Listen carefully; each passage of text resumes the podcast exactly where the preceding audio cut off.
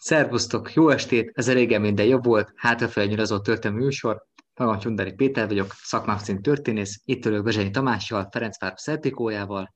Hellóztok! Laska Pállal, Bravo Szündés forgatókönyvíróval. Sziasztok! Forgácsai Andrással, már-már visszatérő sztervendégünkkel. Szeretettel köszöntöm a hallgatókat. Valamint legifjabb Dékány Lászlóval. A Dékány dinasztiából üdvözlök mindenkit. Azon belül is a brassójákból magam a Liechtensteini csunderikoktól származom. Hiszen ma este dinasztiákkal fogunk foglalkozni. A történelemben ugye léteztek a Bachok, léteztek a Straussok, ha csak a művész dinasztiákkal foglalkozunk, és ezúttal korunk hollywoodi művész dinasztiáiv tekintjük át. Gondoltuk, hogy egy kis apák is fiúzás indulunk ki, de nem akarunk ilyen instant Csóri Sándorok lenni ezúttal. Megtartjuk a speciális, igazi hortobágyi ízű magyar adásunknak, hanem Hollywood jeleseivel fogunk foglalkozni, és ugye különböző kritériumokat tettünk meg, amelyet definiáltuk, hogy kik tekintetők dinasztiának. Hát ugye igazi jó eszmetörténészként, mint akinek kutatásai is vannak, Szekfű Gyula három nemzedékéhez nyúltunk, és ugye általában a 19. századi hanyatlás történetekhez.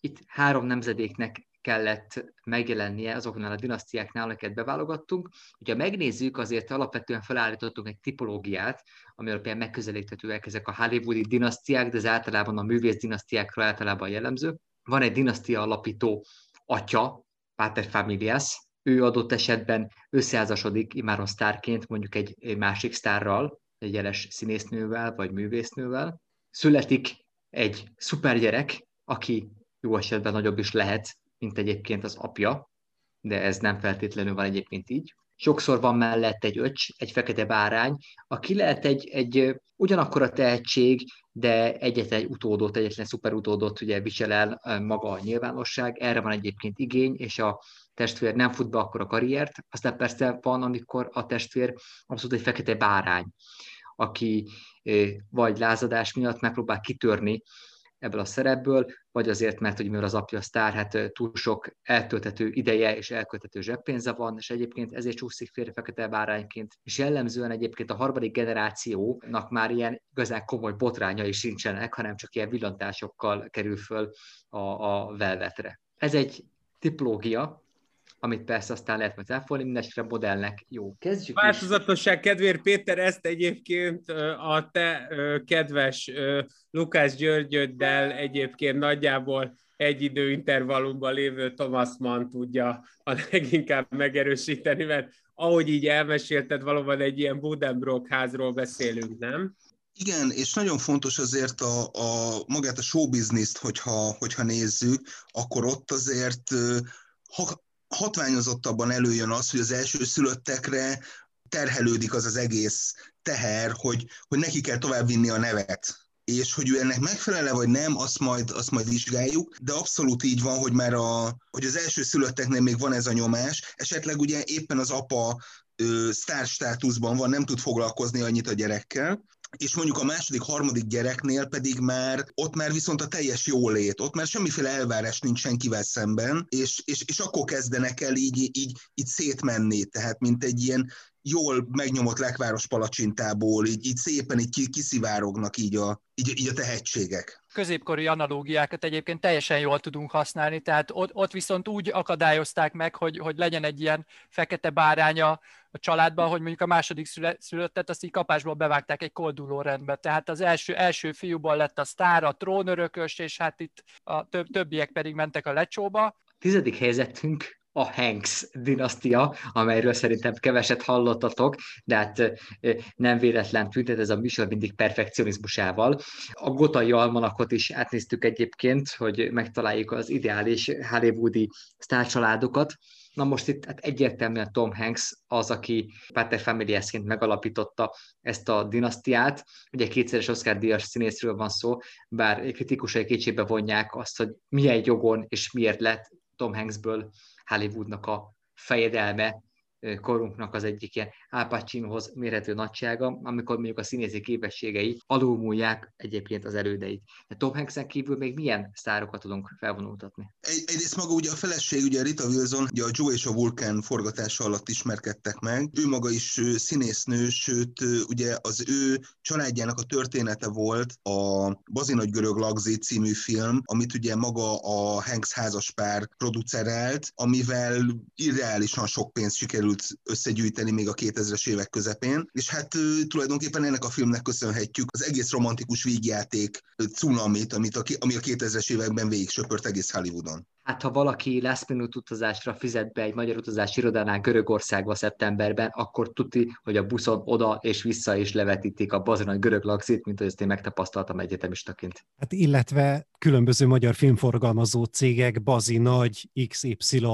XY forgalmazási címeket tudtak adni a különböző filmeknek, amit máshol egyébként meg sem néztek emberek. Na igen, tehát ez csak arra emlékeztet, mint hogy a Póli Sor az Magyarországon a kő színészként maradt maradt meg a kőbukó sikere után 20 évig itt ilyen, vör, ilyen, ilyen valami vörös sándorokat forgalmaztak egyébként a szikros stúdiók, hogy valami kővel kapcsolatos címet találjanak egyébként az adott póli sor filmnek. Tom Hanksnek egyébként van egy, egy Jim nevű fivére is, két fivére van Tom Hanksnek, az egy, egyikük Larry, egy teljesen szakmán kívüli egyetemi professzor, viszont Jim Hanks egy tökéletesen, teljesen ismeretlen amerikai filmszínért ez, ez is erősíti egy kicsit a dinasztia jelleget. Illetve anélkül, hogy visszamennék egészen Hollywood aranykoráig, az, hogy különböző ismert színészeknek a kevéssé ismert fivéreit, nővéreit felbérelni különböző szerepekre más filmekben, hogy a, a testvérnek a hírnevéből egy kicsi átragadhasson, az egy eléggé hosszú tradíció Hollywoodban is. Tehát a legismertebb példája ennek például Sean Connery öccse, aki leforgat az OK Connery című filmet, ami gyakorlatilag egy James Bond, James Bond másolat egy az egyben, de a a Thunderbolt című James Bond film teljes szereplőgárdájával, és Neil Conneryvel, aki Sean Connery öccse. Na jó, ez kell egy Connery, aki eladja a filmet, tehát látom akkor e... egyébként a producert. De hogy ehhez képest azért tényleg legyünk őszinték, legalább a, a Hanks család e, alapvetően alkalmas volt olyan drámai karakterek megrajzolására, csak annyit mond, hogy kérlek légy méltó, próbálja mondani a, a fiatal Matt Damon karakterének, ugye miközben egy német tigris tanknak próbál egy 19-11-es M mintájú kolttal a, a vesztére hágni, utána láthatjuk az idős Matt Damon-t, aki remélhetőleg a feleségétől ezügyben kap megerősítést, és ugye ugyanezt a legendát, ugyanezt az erősítést, ugyanezt a mediatizálható, de még inkább drámai hatásfokot, én azt gondolom, hogy Colin Hanks is megpróbálta a Narancsvidékben. Hát egy, egyébként akkor itt most bekapcsolódom, tehát mondjuk a, a Ryan közlegény megmentése az nem volt egy rossz referencia, hiszen ugye Colin Hanksnek, akit ugye így a királyfinak tekinthetünk, az ilyen valamilyen szinten elfogadható színész ebben a dinasztiában, tehát neki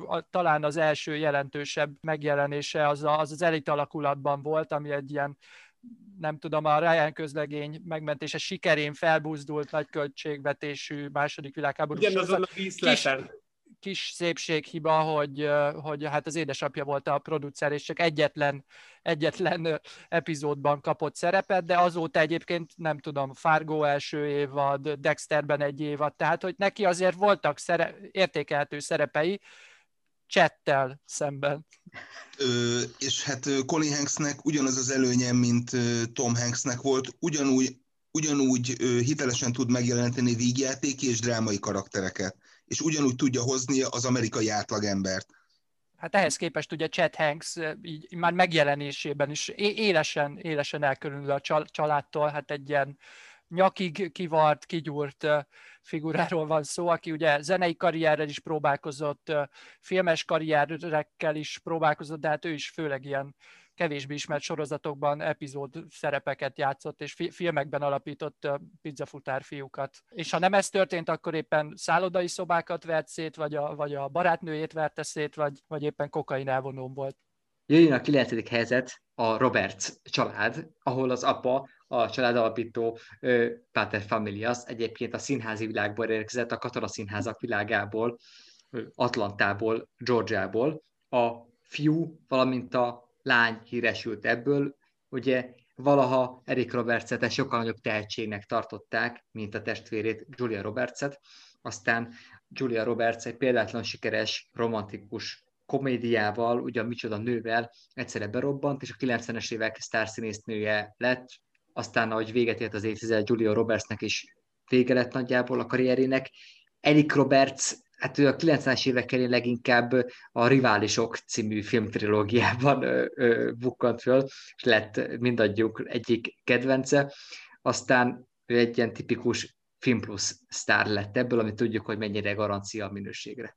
Igen, tehát, hogy ugye Julia Roberts is, ugye Eric Roberts révén került be a mókuskerékbe, ugye ő mondta el, hogy mikor lesz a casting a Micsoda nőre például. Eric Roberts ez a tipikus melós amerikai színész, akire bármit rá lehet bízni, bármit eljátszik, hogyha kell, akkor harcművészkedik, hogyha kell, akkor drámai szerepben összeomlik nyílt színen. Ő abszolút egy ilyen Jolly Joker volt. Van egy nagyon markáns, jellegzetes arca, ami hát például előny a Specialista című Louis Ossa filmben, de mondjuk hátrány egy Csehov adaptációban. És például neki ugye a nagy visszatérés az ugye a Sötét Lovag című Batman film volt, ahol hát ilyen közös ős gonoszként tudott funkcionálni, és igen, ugye az ő lánya, ugye Emma Roberts, aki ugye a Scream Queens-től kezdve ugye több sorozatban, illetve több mozifilmben is látható volt, sőt, azt hiszem most az egyik karácsonyi Netflix film kizárólag az ő, hát hogy mondjam, sztár erejére épült, úgyhogy a gének mindenképpen benne, benne vannak a családban. Hát ugye Julia Roberts pedig ugye azért tűnt el, egyrészt, mert ugye nem kapott olyan forgatókönyveket, illetve elérkezett ez a ö, régen csinos, de 40-es éveibe élő sztár ö, problémája, hogy nincsenek neki való szerepek, illetve hogy ő, neki akkor lett családja, és akkor azt mondta, hogy ő akkor inkább visszavonul, és a családdal foglalkozik. Noha neki pedig ez az ízeki megszerelmek volt a nagy visszatérés, ami mind a mai napig 40-es, 50-es hölgyek kedvenc filmjei között van állandóan. Menjünk a nyolcadik helyzetünkhöz, amely nem más, mint a Chaplin dinasztia. Charlie Chaplin, maga a Pater Family, ez az alapító, aki egyébként ugye Roman Polanski szintén szerette a különböző fiatal lányokat és, és színésznőket. Ugye az egyiktől született neki egy lánya, Geraldine Chaplin, aki maga is színésznő lett, és a 60-as éveknek egy ilyen, mondanám, hogy szexszimbóluma volt, de mindenképpen egy a Chaplin márkanévvel eladható fiatal lány, aki egyébként szerepelt az édesapja életéről szóló Chaplin című 1994-es filmben is, ahol a saját nagyanyját játszotta. És hát van egy harmadik, ugye Ono Chaplin, akit tehát leginkább a trónok harcából ismerhetünk, azért itt is működik az a szexfű gyulai három nemzedéki hanyatlás történet, tehát azért Charlie Chaplin életművétől eljutni a trónok harcáig azért egy elég nagy süllyedés. Illetve azt tegyük hozzá, hogy ugye Chaplin ugye 54 évesen vette el ugye Eugene O'Neill 18 éves lányát, ugye az unoka róla kapta a nevét, tehát ugye a nagymamának és az unokának ugyanaz a keresztneve, és hát Geraldine Chaplin gyakorlatilag Louis Buñuelnek egyik nagyon fontos színésznője volt, és, és több filmben is feltűnik. Ugye ő Spanyolországban élt, és talán él mind a mai napig. Tehát, hogy ő egy másfajta irányt vett, mint, mint az édesapja, vagy akár a dédapja. A magam részéről egy egész napot tudnék beszélni Charlie Chaplin életművéről, nem különben arról, hogy Robert Downey Jr., aki valaha fiatalon eljátszhatta Robert Charlie Chaplin, az miket tűnt el, és micsoda aljasság, hogy ez az ember a Marvel filmekben bóckodik, de erről majd egy külön... Egyébként igen, egy, egyébként tegyük hozzá, hogy még ott van ugye Ben Chaplin, akiből még a 90-es évek végén, 2000-es évek elején úgy tűnt, hogy egy ilyen Robert Downey Jr.-szerű filmsztárt akarnak faragni, de hát végül is azt a Chaplint más fából faragták. Menjünk hetedik helyezettünkhöz, ha már Roman Polanski szóba került, ugye legutóbb. Hát Roman Polanski kínai negyed című filmjehez kapcsolódik egyik kedvenc történetem, amikor ugye John Hustonnal, a legendás filmrendezővel ugye forgatott Polanski, és a Jack Nicholson akkoriban kezdett el járni Angelica Houstonnal, John Huston lányával, és a film egy adott pontján váratlanul John Huston, aki egy ilyen igazi kaliforniai keresztapát alakít, aki ugye fél Kaliforniát ráíratja a szellemi, az öregek otthonában magukról nem tudó szellemi fogyatékosokra, megelőlegezve az úgynevezett Mészáros Lőrinc modellt. Ugye az történik ebben a részben, hogy megkérdezi váratlan a John Hustonnak a karakter, hogy megdugta, és hogy az adott forgatáson nem lehetett tudni, hogy ez most ez a Faden a által játszott karakterre, hogy a Jack Nicholson, J.J. Gitz nyomozónak a kedvesére vonatkozik-e, vagy magára John Houstonnak a lányára, hiszen Jack Nicholson és Angelica Houston később összejöttek. Roman Polanski is gyakran megfordult, ugye Jack Nicholsonéknek a házában. És akkor el is érkeztünk itt a Houston dinasztiához, mert hát itt John Houston, ugye a Máta és Olyomnak a rendezője, a Hollywood 30-as, 40-es éveknek egyik ilyen dohányéről van szó, akit pont azért vett elő a Roman Polanski a kínai negyed című neonoir filmjében, hogy ezzel tisztelget Hollywood őskor előtt. Most kit lehet még említeni itt John Houstonon és Angelica Houstonon túl? Hát leginkább magát, a, bár bocsánat, hogy ezt mondom, hát a fantasztikus ö, társát, ö, illetve pontosabban ex-partnerét a, ö, a kínai negyedből, akinek köszönhetően megismerjük, illetve egyértelművé válik, hogy mit is jelent az a nagyon egyszerű mondat, hogy amilyen keveset csak lehet. Amilyen keveset csak lehet. Ugye ez az a történet, illetve ez az a poentírozás, amit ugye Robert Towntól tudunk, hogy ezt egy Amerikába elszármazott, de ö, magyar titkosügynöktől, vagy pontosabban ö, fedett vonalon is dolgozó rendőrtisztől tanult meg, amelyben a leglényegesebb pont az az, hogy akkor, amikor nem ismered az adott közeget, illetve csak minimális tudásod van róla, akkor ne mozogjál, ne tegyél semmit. Ugye ez az, amit egyébként a Jack Nicholson karaktere, ugye a Gitis, az Peri Lopez színészi játékában megpróbál felfedezni, hiszen mint egykori társa Escobar azt jelképezi számára, hogy a, az illegalitás és még inkább a korrupció az a vele járója a rendőri működésnek. Igen, és amikor én ugye Gicet mondtam a Kitis helyett, akkor ez egy, ez egy ugye posztmodern utalás arra, hogy magában a filmben egyébként John Huston sosem tudja megtanulni annak a nyomozónak a nevét ezzel, és mindig ugye Gicet mond Gitis helyett. Itt, itt egyébként most John Houston neveztük ki a Pater Familiasnek, hiszen ha egy generációval feljebb megyünk, akkor találunk még ott egy Oscar díjas színész. Igen, tehát hogy Walter Houston, ugye, aki eredetileg Kanadában ö, született, és ő később ö, került át többek között a Famous Players korabeli Paramount révén az Egyesült Államokba, ö, illetve hogy ugye egyrészt a John Houston fia ugye Danny Houston, aki már Rómában született, és gyakorlatilag egy meglehetősen kedvelt mellékszereplője a ö, filmek, ma, mai hollywoodi filmeknek, ugye hát a, ö, például a Wonder Woman-ben ő játsza a főgonoszt, illetve beszélhetünk Jack Houstonról, aki kvázi egy ilyen John Houston unokája, aki Jack Kerouaktól kezdve ö, ugye a kívülállón át, de gyakorlatilag az új Ben Hurban is játszott. Szintén ez a nagyon munkás brit színésznek az archetipusa. Hát beszélhetnénk egy kicsit Whitney Houstonról is, de azt hiszem egyébként menjünk át a hatodik helyzetükhöz, a VS családhoz. Elég csak annyit mondani, hogy a Ne légy barom című klasszikus filmet megemlíteni, mert az, az életműve ennek az egész dinasztiának.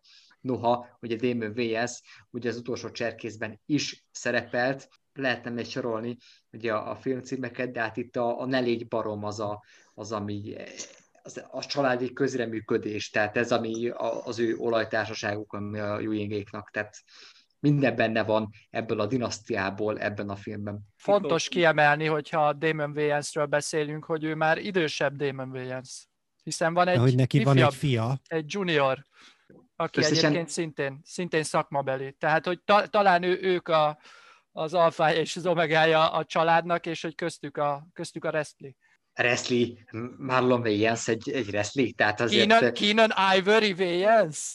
Így van, így a csodálatos rendező, hát ne vicceljünk már, tehát... Hogy... Leginkább, leginkább én maradnék én is a Restli fogalmánál, tényleg úgy, hát... hogy a tisztító tűz az, ami, amit ö, kapcsolatba tudnék hozni velük, illetve a legutóbbi, ugye halálos fegyver sorozat, amiben legalább próbált valami drámai karaktert fölhozni, mert ezt leszámítva egyébként ilyen különböző a popcorn és ilyen serial, ilyen, ilyen reggeli étkezési savaktól sem mentes, nem is tudom, tárgyaknak a tejjel való fölöblítésén alapuló érzék struktúrát kijelölő hát ilyen családi vígjátékokba tudta oltani azt a fantasztikus tehetségét, de hát leginkább azt a fantasztikus tehetségét, amit tényleg az Anyhole-ban is megpróbált ugye Maxnak elmondani Woody ellen, hogy így, hogy egyébként rávágjátok a, a műnevetést, így nagyon, nagyon könnyű. Ezt, ezt tudja egyébként az egész család sajnos. Nem, csak ne, én igazából nem tudom leplezni a felismerést, hogy időközben rájöttem, hogy már Keenan Ivory Wayans is idősebb Keenan Ivory Wayans. Tehát, hogy itt, itt is lett egy juniorunk, és lehet, hogy, hát nem tudom, lehet, hogy már van egy Marlon junior is, nem tudhatjuk.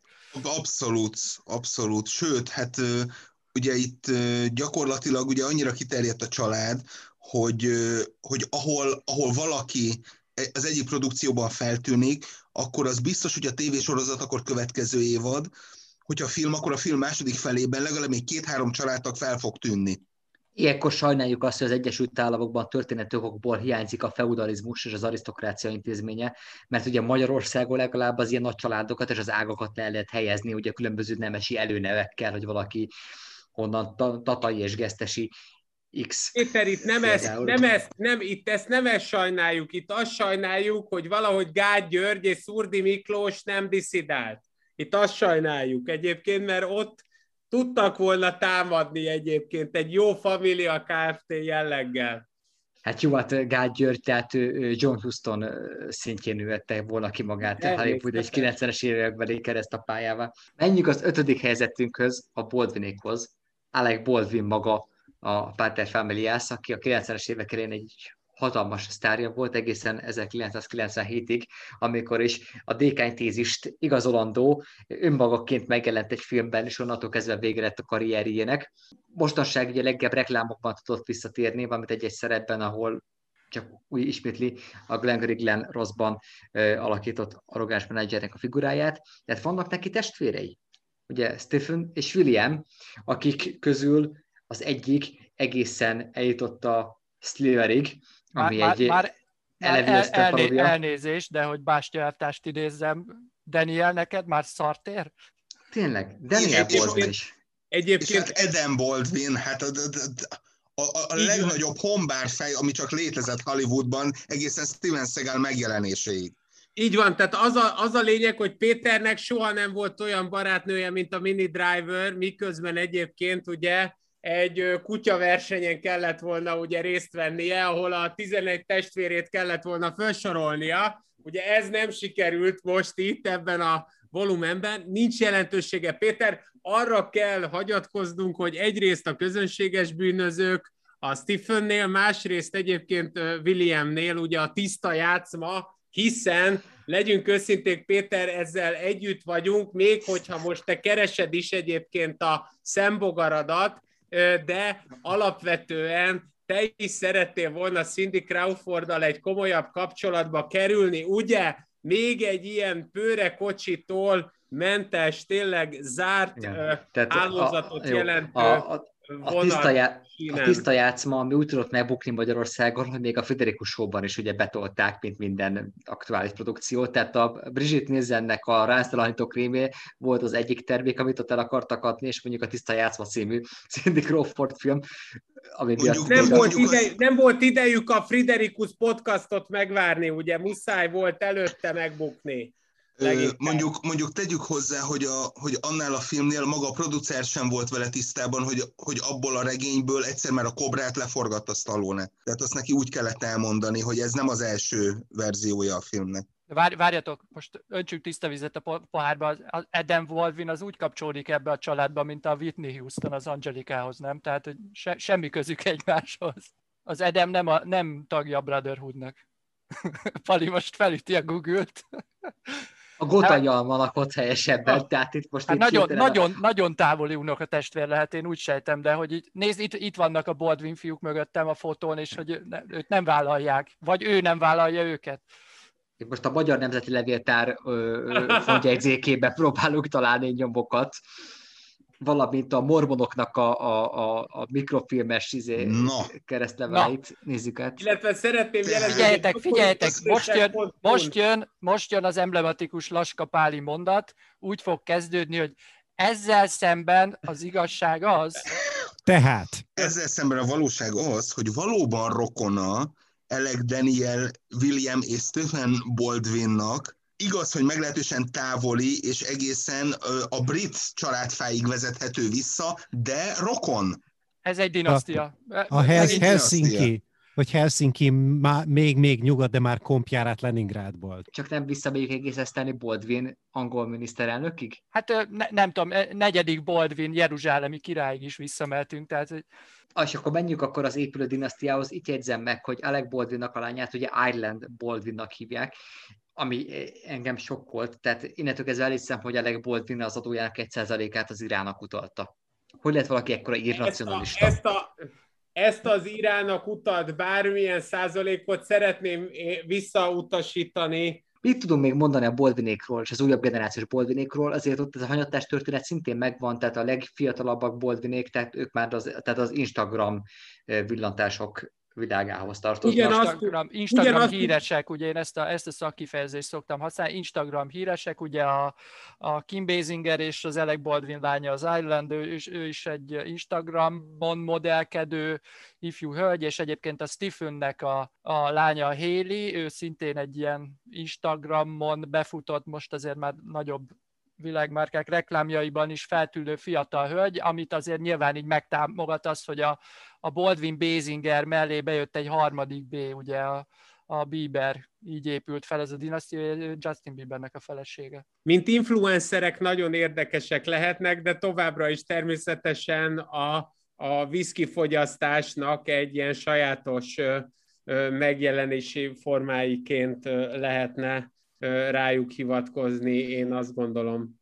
Jó, tehát itt a, a Baldwin, Basinger, Bieber kapcsán is egy több család egyesült, de ezek a dinasztikus házasságok sehol sincsenek ahhoz a vérvonal egyesítési kísérlethez, amelyet a negyedik helyezettünk valósított meg, ahol a Jacksonék a Prestikkel, ugye, hát kötöttek házasságot, léptek Friedle, csak hát Hát fuzionáltak.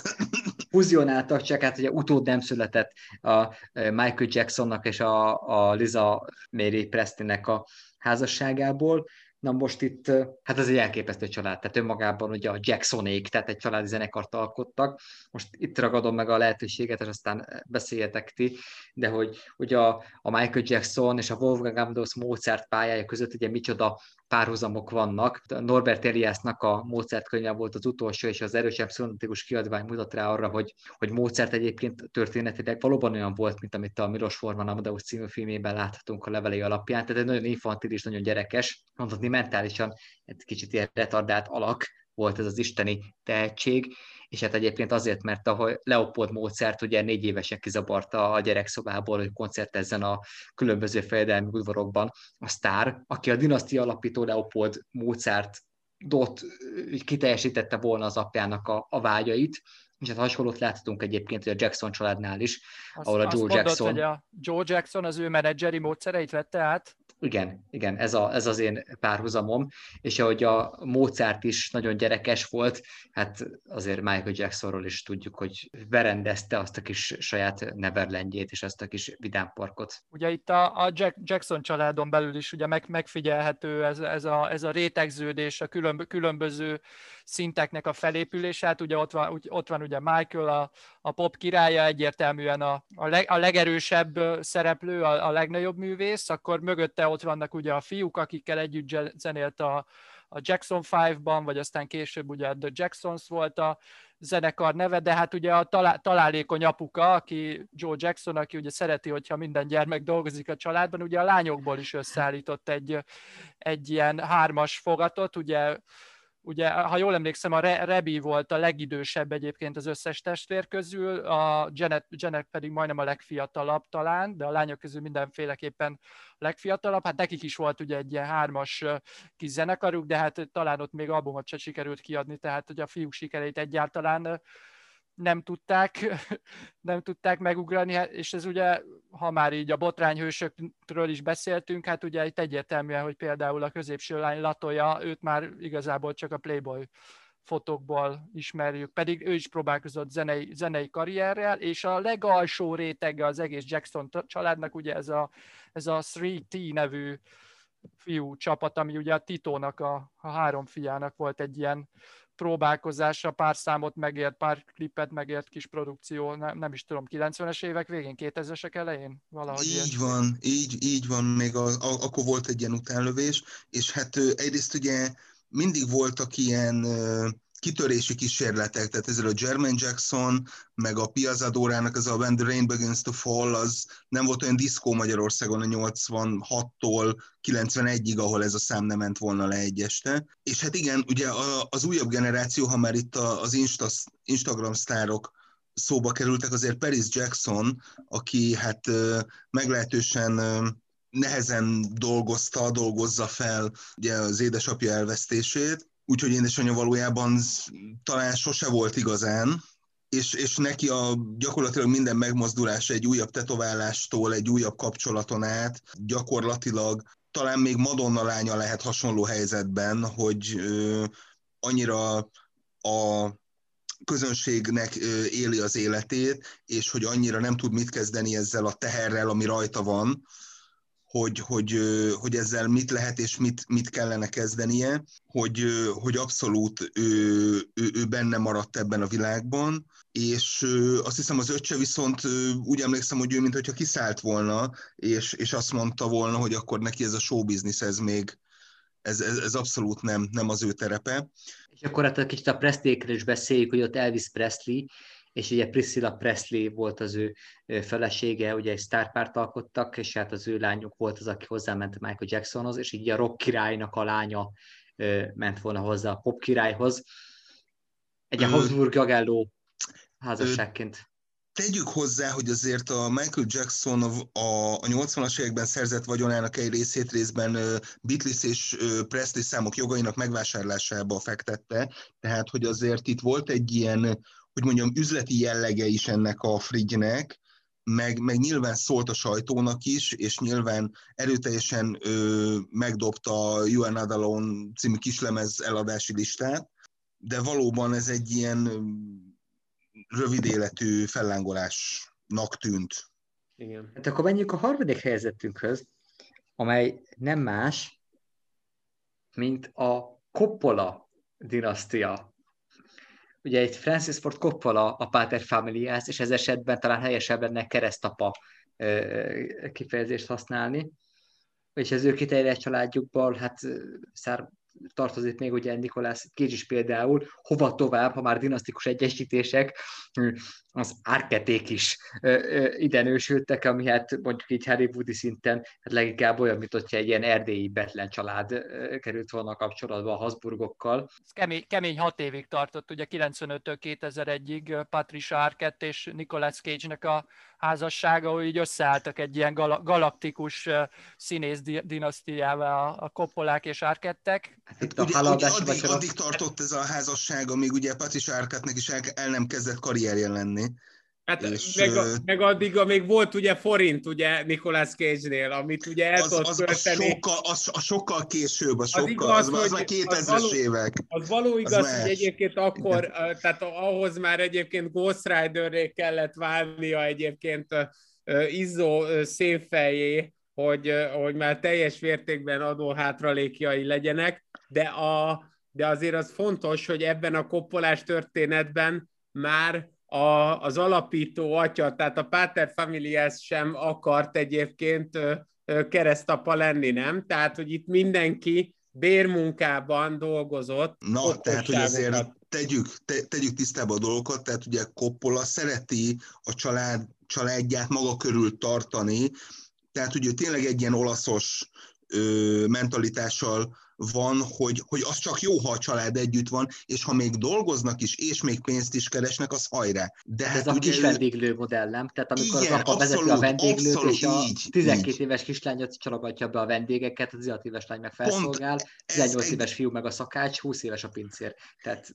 E, ez abszolút így van, hiszen ugye, ugye a napavölgyben ugye magának Koppolának is jelentős befektetései, illetve cirfandi ült, ültetvényei vannak, és hát gyakorlatilag ő ezt minden szinten próbálta megvalósítani, akár a saját filmvállalatánál, akár egy-egy film forgatásán, hogy lehetőleg minél több családtagot legyen körülötte. Na most ugye a pénzügyi leg viszont ugye a Roger Corman iskolához tartozott, tehát hogy ő azért annyira nem szerette túlfizetni a munkatársakat, hát a családtagoknak meg bőven elég, hogy együtt van a család. Ennek ugye van egy nagyon-nagyon-nagyon sokszor fe- felemlegetett momentuma, ugye az a, az a bizonyos jelenet a keresztapa háromban, amikor a, amikor a lépcsőn a lö, lövésérű Szófiát, amit tényleg így nagyon, nagyon, nagyon sokszor emlegetnek, hogy igen, mm. igen.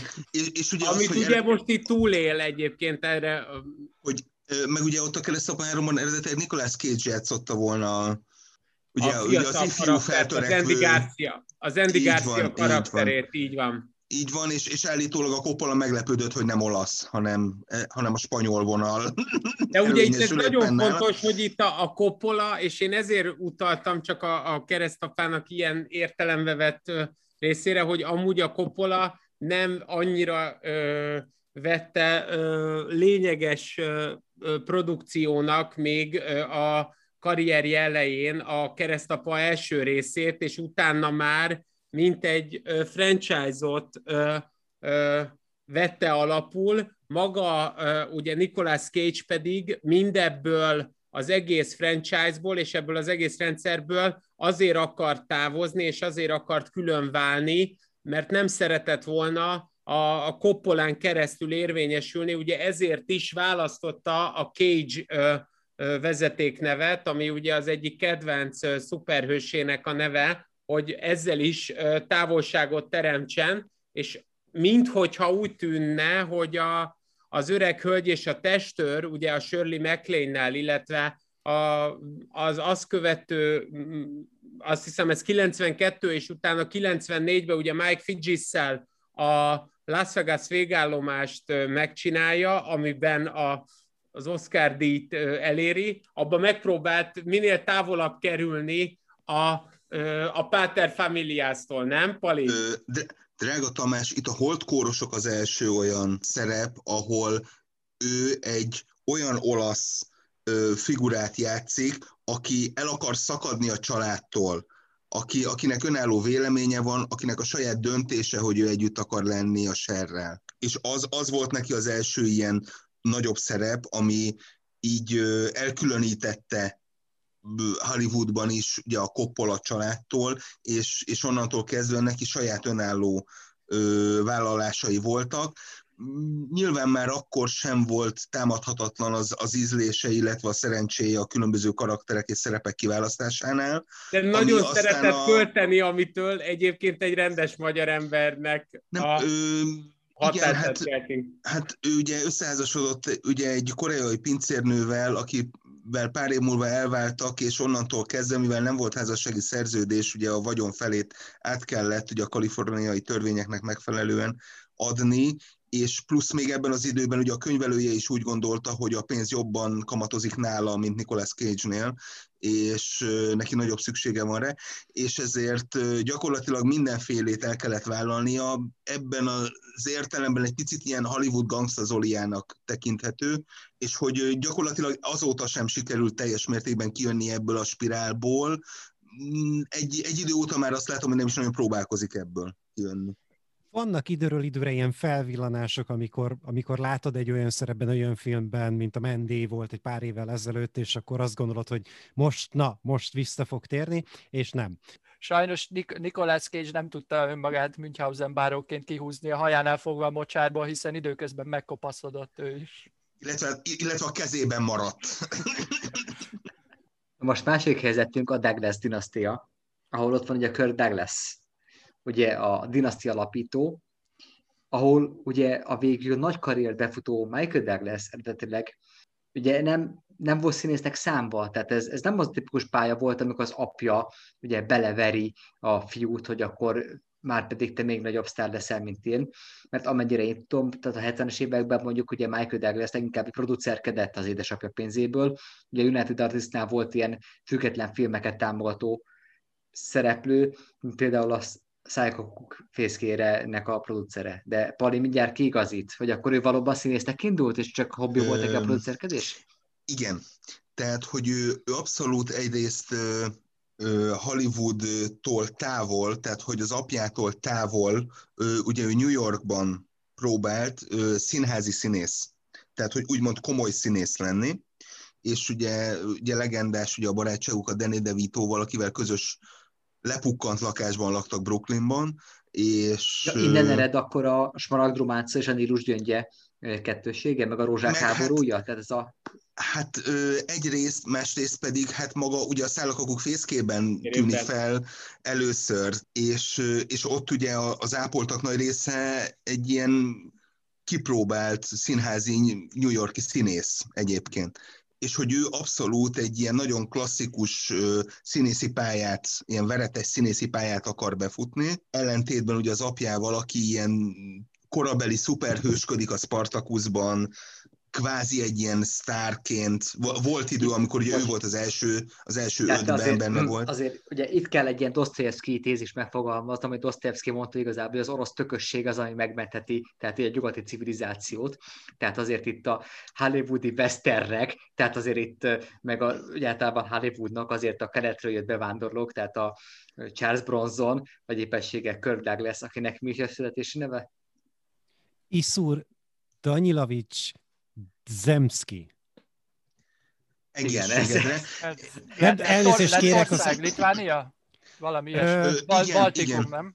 Valami balti, azt hiszem, balti ország. Azt hiszem, azt hiszem Észtország, de ugye, tehát hogy, hogy abból a, Igen, de... abból a abból a, a, a kaotikus időszakból és helyről érkezett ugye annak idején a család, hogy igazából nem tudjuk eldönteni, hogy ez most az orosz birodalom, vagy éppen a litván nép. Igen. Né, nem, nem, azért, azért. És, és én úgy tudom, hogy az ottani zsidó közösség ö, tagjai egyöntetűen abban az időben ugye ez a tízes évek vége, 20-as évek eleje, tehát hogy pont ugye Igen. ez a forradalmi helyzet, ekkor így ö, ugye az a zsidó közösség egyöntetűen ment ki kvázi egy hajóval Igen. New Yorkba, hogy akkor nekik ebből ez, ez egész Cárosdiból, meg uh, Stalin dologból nekik most így elegük van, tehát hogy hát ők, ők, ők úgy kimennek.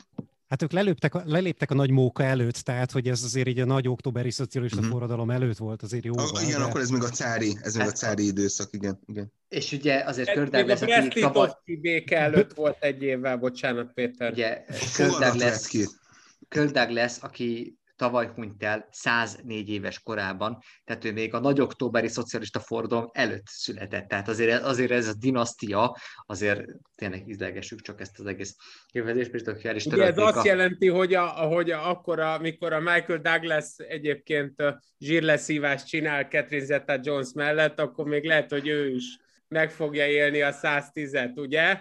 Ha már ugye a dinasztiát emlegetjük, és ugye azt, azt mondta Csúcs, hogy végül is nem volt ebbe belekényszerítve, hogy mármint, hogy Michael Douglas, hogy, hogy egy, ő is egy ilyen színész legendává váljuk, de, váljon, de azt azért említsük meg, hogy a, hogy a Kirk Douglasnek négy fia van, és mindegyik filmes szakember, tehát ugye, ugye... A, a színészként is sikeressé váló Michael mellett még van egy Peter és egy Joel, akik, akik filmproducerek, kevéssé ismertek, de hát térjünk rá a fekete bárányra szerintem. Hát ugye Eric Douglas, aki azért korának Charlie Sinje volt fogyasztási szokásai tekintve, egy kevésbé impozás filmográfiával, tehát azért Eric Douglasnek csúcs a Delta Force 3, amelyben mellékszereplő.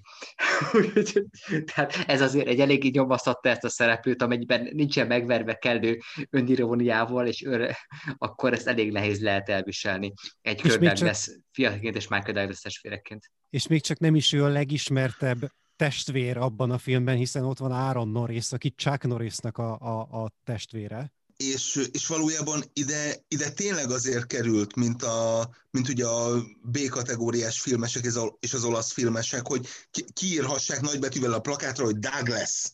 And Norris. Az, hogy mi, and Norris. És az, hogy milyen, az már, az már nem fontos. Tehát megveszik ugye, így is, megnézik ugye, így is. Ez utoljára egyébként emlékeim szerint, amikor még uh, videótékáztam, a Tűzparancs című filmben volt benne, amikor ugye Kirk Russell és Steven Seagal karakterét lehetett pontosan így detektálni, és én is végighallgattam egyébként azon kollégákat, akik a Dolby Surround mellett ugyan nem nehezményezték a, a, a, a helyzetet, ám de az, hogy hogyan is jelent meg Steven Seagal mindenfajta Aikido harcművészet nélkül, az bizony legalább Jó. olyan durva volt, mint tényleg... Tehát azért az a, az a, az meg, mint Péter az a film, az a film, az a film, a tűzparancs, az sose éreztem magam életemben annyira átkurva, mint amikor azt a filmet egy szigál filmként kezdtem elnézni, és ezt a Steven Seagal meghal benne elég hamar, és hogy egy Tizen... filmet nézek. Ennek körülbelül akkor a haszna volt, mint amikor Kozák András szinkronizálta a, a, a halálos fegyver kettőt. A, a 12. percben távozik a vászorról Steven Seagal, hogy utána soha többet ne lássuk. Egy Kurt Russell film egy megborotvált poáróval. A, a legnagyobb bárbasszás az egész világon. Igen, igen. David Szüsének kellett a pénz. Hát igen, maradjuk annyiban, hogy Poirot hitelesebben alakította, mint a, a, a a közelkeleti terroristát. Ha már, ha már itt a dinasztiáknál vagyunk, azért a, ne, ne hagyjuk ki, hogy, ne, hogy nem megyünk le a Douglas dinasztia legmélyére. Hát Cameron, az Istenért. Hát a Ezt Cameron szerettem Douglas. volna végre kérni. Köszönöm, Laci, köszönöm! El tudunk róla mondani bármi jót? A, volt olyan család... Nagyon hasonlít a Michael douglas de pont annyira már nem szabályos az arca, hogy szimpatikus legyen. Szerintem, Ö, szerintem évente szokott lenni róla ilyen 3D cikk, hogy éppen elnézést kér a nagypapától, amíg még élt. Ha, ha nem erről volt cikk, akkor, akkor kokainos cikk volt. Én, én hát ilyenekre szóval... emlékszem. Szóval Egészen ott konkrétan. A Túl Nagy Család című filmben szerepelt utoljára, mert utána sajnos ugyanaz a probléma volt, mint a London Boulevard című Igen. filmben, hogyha ha emlékeztek, amikor a, a, a, a, a, remélem emlékeztek a, a Twell, úgy hívták a fickót, hogy David Twallis, ő mondta azt, hogy szerepeltem egy gyerek darabban, aztán utána jött az elvonó, és aztán utána picit producerkedtem. Tehát ugye a Cameron Crowe az lényegében ezt megvalósította. Jó. Tehát ugye Cameron Douglasnak az angol nyelvű Wikipedia oldalán, tehát ugye a két sor van ugye a karrierről, és aztán utána egy 13 sornyi bekezdés ugye a különböző jogi és törvényekről a magánéletről, a controversials. És akkor még el sem jutottam egyébként ugye az a kategóriához. tehát, hát ő ugye nem régiben szabadult, hogyha jól emlékszem, 2019-ben. De hanyadjára? Ez most egy ez most másodjára egy, egy hosszabb időt, egy azt hiszem 7 évet kapott legutóbb kábítószer kereskedés és különböző egyéb ehhez kapcsolódó vétségek miatt. Úgyhogy most per pillanat ő éppen, éppen a tiszta életűek útjára lépett, és majd meglátjuk, hogy milyen sikerrel fogja tudni ezt a továbbiakban folytatni. A Túl Nagy Család című film 2003-ból volt az első film, és tehát azt hiszem összesen két film volt az, amiről én a vetítésről kijöttem anélkül, hogy végignéztem volna a filmet. Az első az a túl nagy család volt. Valami elképesztő, hogy ezért sikerült pénzt szerezni ehhez a filmhez, amiben Kirk Douglas, Michael Douglas, Cameron Douglas, a teljes Douglas, fami, Douglas família játszik Douglas. benne, és ha jól emlékszem, akkor a cselekmény egy pontján, ami azt hiszem 90 percnél járunk, amikor a nagypapa Kirk Douglas meghal. És e, tehát, hogy akkor kezdődött elindulni a cselekmény, és én ezt már nem bírtam idegekkel, úgyhogy kijöttem. Menjünk az első helyzetünkhöz, amely a Fonda dinasztia. Ez egy szintén egy olyan család egyébként, ahol nagyon komoly ellentétek feszültek, hogy a dinasztia alapító Pater Familias Henry Fonda Hollywoodnak a, az egyik fejedelme volt az 50-es, 60-as éveknek a, az egyik legfoglalkoztatottabb színésze, aki maga volt egyébként ugye a becsületes amerikai, elég csak ugye a 12 dühös ember című filmben játszott szerepére pontosítani, vagy a Halál 50 órája című gyerekkori kedvencünkben ugye Kylie-t miként hozza, de mindegyik filmében valamennyi becsületes figura, amikor egyszer mondjuk egy szemét alakot kellett játszania, hát nem különben kiváló mondjuk ugye Frankként, Sergio Leone volt egyszer a Vadnyugat című filmjében.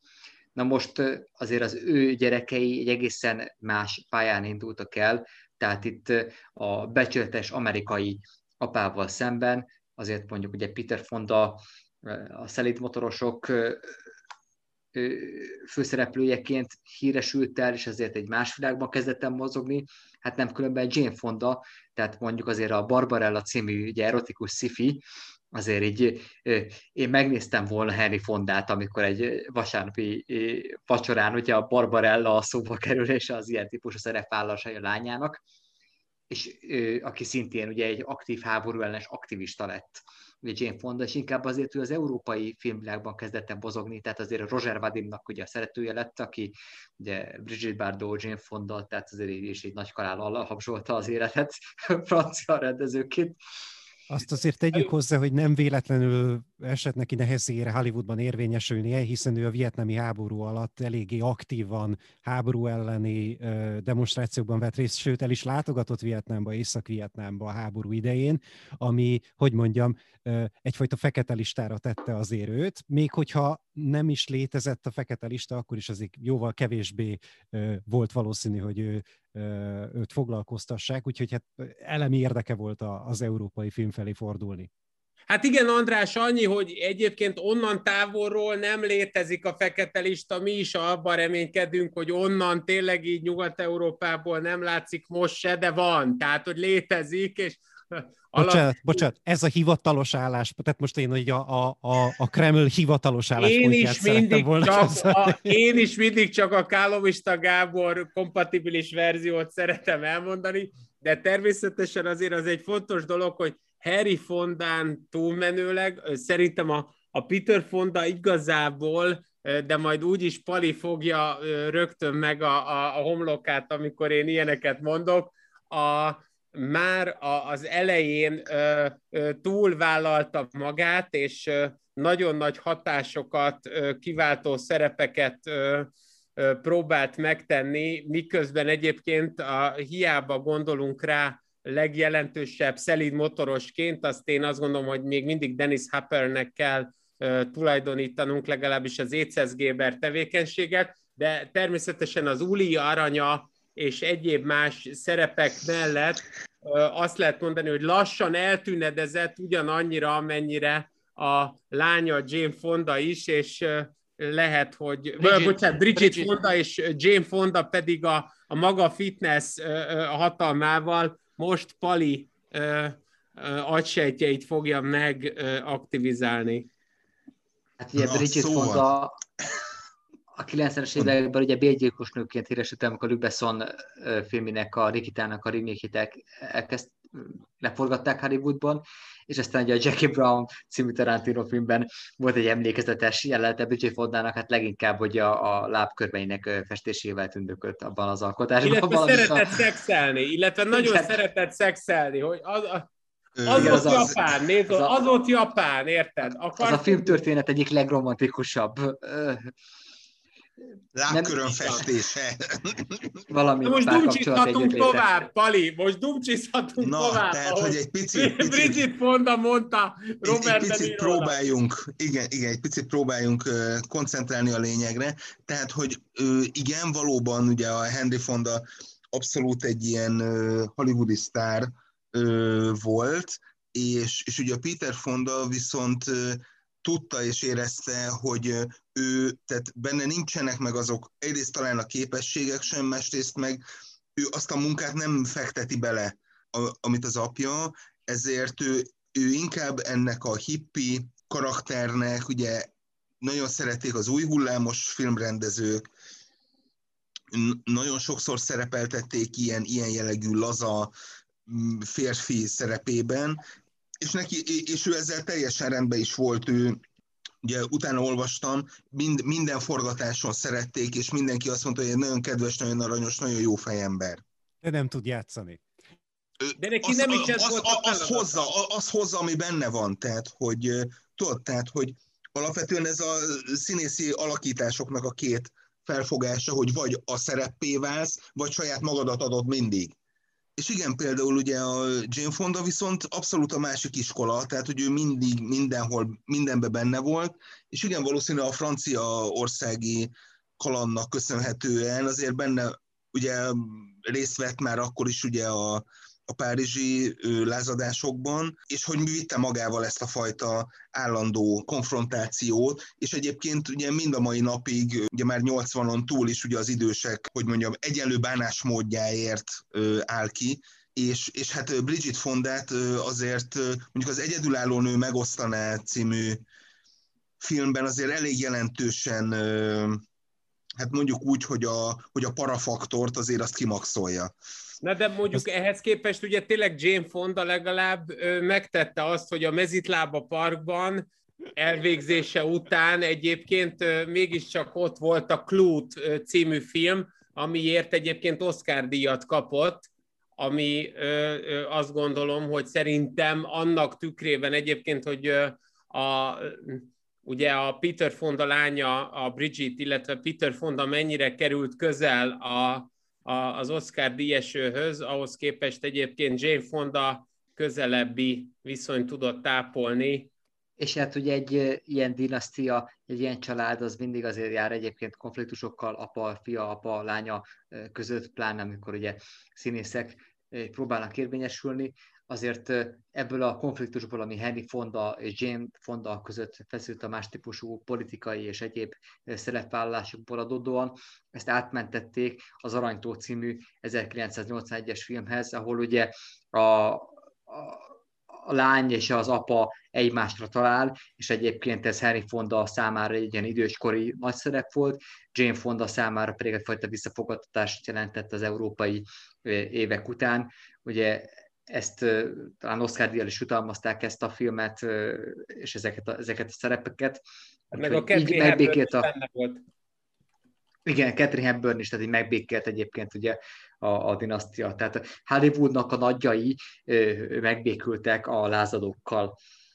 Hát ez volt ma esti adásunk, a régen minden jobb volt, ahol a hollywoodi dinasztiákról beszélgetünk, beszélgetni fogunk még európai dinasztiákról, apa-fiú, anya-lánya és hasonló történetekről. Bezsenyi Tamás, Dékány László, Roska Pál, Forgácsi András, Csunderék Péter. Szervusztok! Sziasztok! Sziasztok! Sziasztok! Sziasztok!